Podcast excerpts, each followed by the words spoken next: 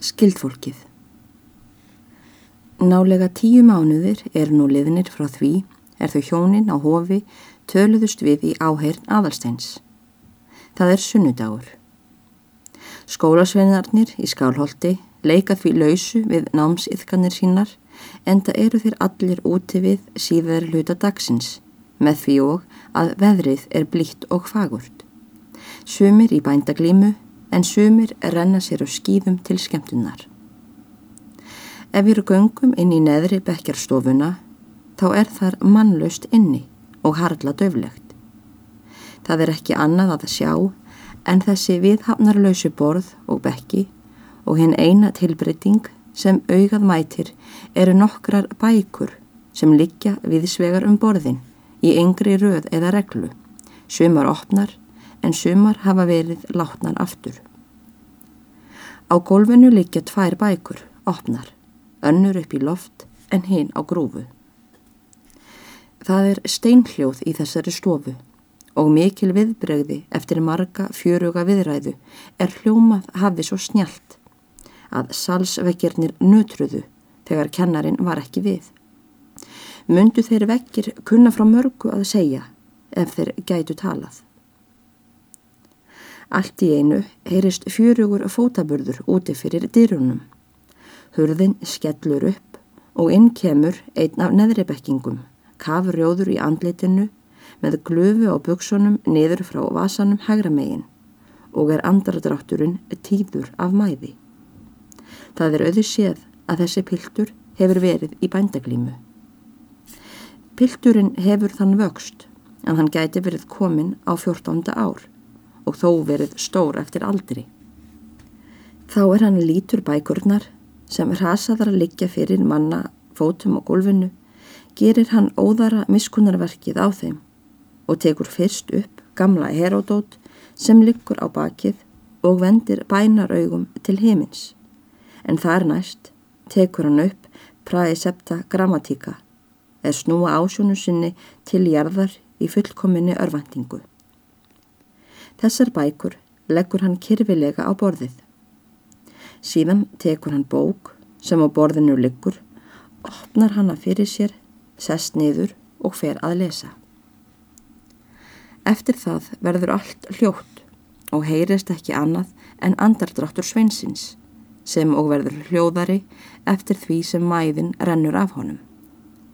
Hann les með sjálfum sér litla stund. Þá heyrist aftur fótaburður fyrir framandirnar. Hurðinni er lokið upp og nú byrtist einn af efribekkingum skólans. Hann er sömuleiðis glímumóður. Það er maður á tvítugsaldri, skóliarpur og hár og hárið rokkið, burðarlega vaksinn og þó vel vaksinn. Nú þú ert ekki lengur með í bændaglímunni, segir aðkomi maður jafn skjótt sem hann kemur inn úr derunum. Nei, svarar hinn. Ég mátti ekki glíma meir í þetta sinn. Því næst stóð hann upp úr sæti sínu, síndi rifuna á buksunum og mælti brosandi. Þarna serðu afsökun mína. Já, slíkt er hægt að fá í bændaglími bróðir. Þú verður að finna skólaþjónustuna til að fá það lippusár læknað. Síðan bætti hann við. Mér þótti þú annars gera það vel að fella brand. En þú hefðir átt að vera úti núna seinast þegar ég lagði eigil. Lagðir þú eigil? spyr hinn með undrun. Egil er þó talin hraustastur af efribekkingum nú. Hann er jötun til burða og harðfengur eftir því, en hann er aldrei vel glímin. Þess vegna er ég dálítið farin að standa í honum og mátti glögt sjá á efribekkingnum að hann þóttist góður að því að hafa unnið þennar sigur á agli. Síðan greip hann bók, er lág fyrir honum á borðinu og tók að blada í bókinni en naðum hvergi staðar. Flegði henni því næst og tók að blada í annari en let hanna einning aftur jafn skjótt og lagði hanna á borðið. Hann síndist ekki hafa list til að lesa eru ekki góðir glímumenn þarna í hofsóknum, steini. Mælti hann því næst til aðalsteins, því hann var pilturinn, er hann átti orðastað við. Þeir eru ekki margir Ólafur, er kallast megi rétt góðir. Það má telja Þorstein á hálsi. Hann hefur verið talin góður glímumadur og er liður vel. En hraustastir eru taldir Björn á gabli og yngimundur bróðir hans. Þeir eru dágóðir glímumenn og Björn er heljar menni til börða. Svo, mælti Ólafur. Þú segir hann hraustan þennan Björn. Það veri gaman að ríða þar um í vor þegar ég fer heim. Mér þetta er gaman að koma í eina við hann. Ætli hann sé glímin. Hann er bæði sterkur og glímin. Þeir höfðu glímt margir í réttunum í haust og var sagt að hann hefði einn staðið. Það er svo, meldi Ólafur og tók að nugga saman höndunum. Ég hefði samt gaman af að við reymdum með okkur. Ég skal svei mér muni eftir honum. Þú nefnir hann Björn á gabli. Björn á gabli, já. Nú greip Ólafur bók sem lág hjá aðalsteini á borðinu. Það var skrifaða reikningsbókin sem hann hafði fengið eftir móður sína. Ólafur leita orðin sem reytuð voru framann á sörbladið og meldi. Fadir þinn hétt Sveit, já hvernig spyr ég, en hvers svon var hann? Ejjólfsson. Lifir fadir þinn? Nei, hann er dáin fyrir nýju árum. Nú þá átt þá einhverja ættingja sem styrkja þig, eða voru ekki foreldrar þínir fátækir? Bláfátækir, svarar hinn, eða að minnstakosti varð móður mín sáluga það, þegar hún var orðin ekja. Það er biskupnum einum að þakka að ég hef komist þetta. En hvað föðurætt mín að snertir, þá á ég einn föðurbróður á Breiðdal. Að öðru leiti er svo ætt mest á östfjörðum eftir því sem ég hef heyrt. Á östfjörðum, segir hinn, hver veit nema ég þekki eitthvað af því fólki, því ég er östfjörðingur. Veistu nokkuð um nöfn og heimili þess fólks? Það get ég varðla sagt, svaraði aðalstein. Eftir því sem ég hef heyrt, mun fadir minn sálugi hafa átt þrjá bræður og tvær sýstur fyrir austan. Bræðurna Jón, Þórarinn og Eyvind en Guðlög og Þorgbjörg héttu eða heita sýsturnar. Þetta er hér um byl allt sem ég veit. Ólafur hafði þessi nöfn upp fyrir munnu sér og síndist ekki ranka við sér þegar. Síðan mælti hann. Þú manst ekki í hvaða sveit eða sveitum þetta fólk á heima. Ég hef heyrt ættin að kenda við Stóragil, ef þú kannast við það. Stóragil? Er það svona? segir hinn. Ertu af Stóragilsfólkinu? Það hefði ég svarið fyrir. Þá fer ég að kannast við. Það er í næstu sveit við þá sem ég er upp alin í. Ertu af Stóragilsfólkinu? Ég er ná hissa. Jú, það stendur heima. Þetta fólk er til og allt á lífi, nema þórarinn. Hann er dáin og þó nýlega til þess. Hitt býr allt búum sínum. Líður því fólki vel? Það kann nú að vera, svarar Ólafur. Það er flest að því vel við efni. Eyvindur býri nú einmitt á stóragilinu eftir föður sinn. Hefur verið mesti uppgangsmaður og hvað eiga nú yfir 500 fjár? Það verður ekki sagt þú eigir blá snöyða að. Já, eins og ég þekki ekkert að því fólki. Eins þekkir það ekki mig. Fjekk annars móður þín sáluga aldrei neitt styrk frá eyvindi? spyr Ólafur. Aldrei, svarir hinn. Ekki svo mikið sem hann skrifaði henni til. Já, því trú ég nú vel, mælti Ólafur brósandi. Eyvindur skrifar ekki með jafnaði. Annað mun honum láta betur. En ég vissi til að hann let drígilega yfir því við sveitunga sína, að hann þyrti að fara að líta til með mákonu sinni, sem hann heyrði sagt að lifði við erfið kjör sem ekja vestur á breyðdal. Ég má fullir það, mælti aðalstein, að hann hefur ekki gert vart við sig í því tilliti.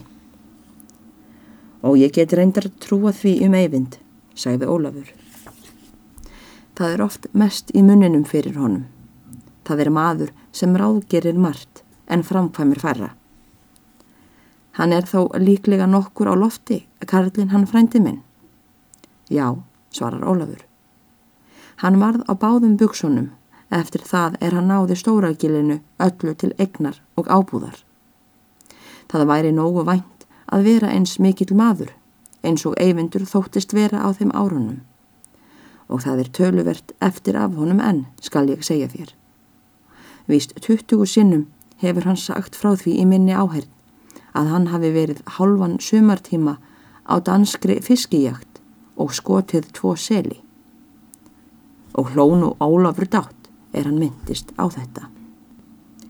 Býr Jón nálagt Stóragili, spurði aðalstein. Já, svo til, það er í sömu sveitinni, nokkrar bæjarleifir frá. Það heitir á botni. Lýður honum vel? Furðanlega, svarar Ólafur og brósir við. Furðanlega, segir þau, mælti aðalstein. Já, segir hinn, það má furðu gegna hvað Jón helst við með ráðlægi sínu, eins og það er nú allt og allt. Nú hvernig er það? Drekkur hann?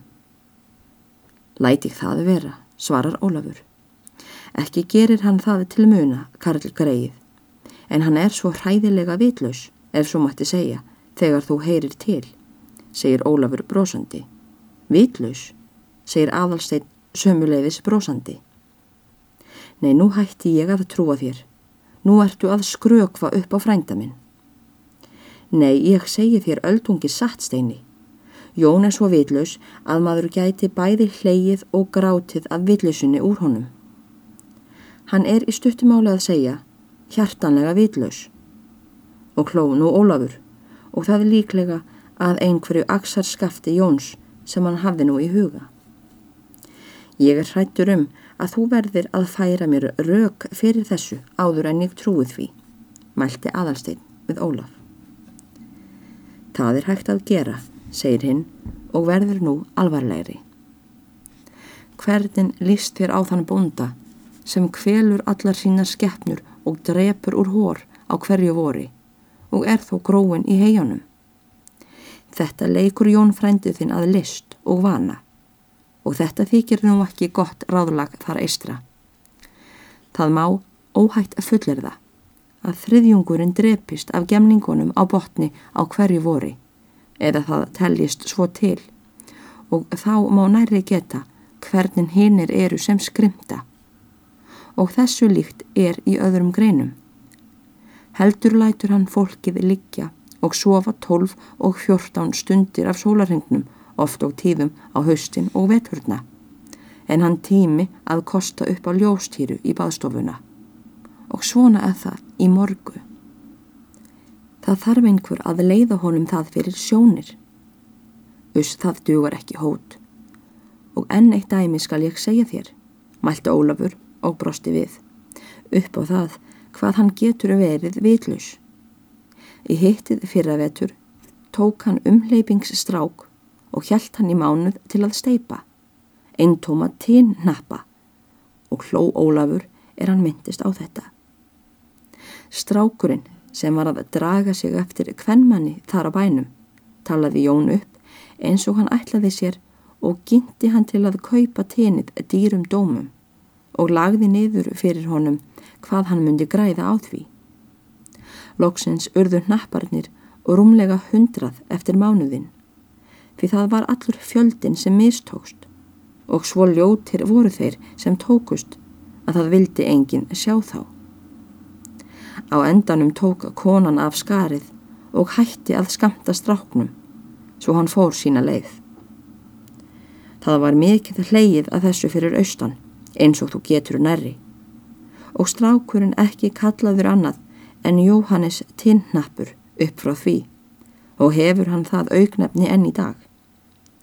Já, já, mikið segir þú Ólafur minn, mælti aðalstein. En hvað segir þau mér nú af systrunum? Eru þær eins bágar? Nei, af buðlugu get ég sagt þér gott, svarar Ólafur. Hún er langmerkust af þeim sístkinnum sem lifa. Hún og þórarinn heitinn voru annars fyrir þeim um flest að minnstakosti þeim af sístkinnunum sem ég hef þekkt. Maður Guðlugar heitir Hjálmar, fremur merkur maður og dável að sér. Hann er nú reppstjóri sveitarinnar og líður þeim vel. Ef þú kæmur austur, ættur þú sjálfsagt að finna þau.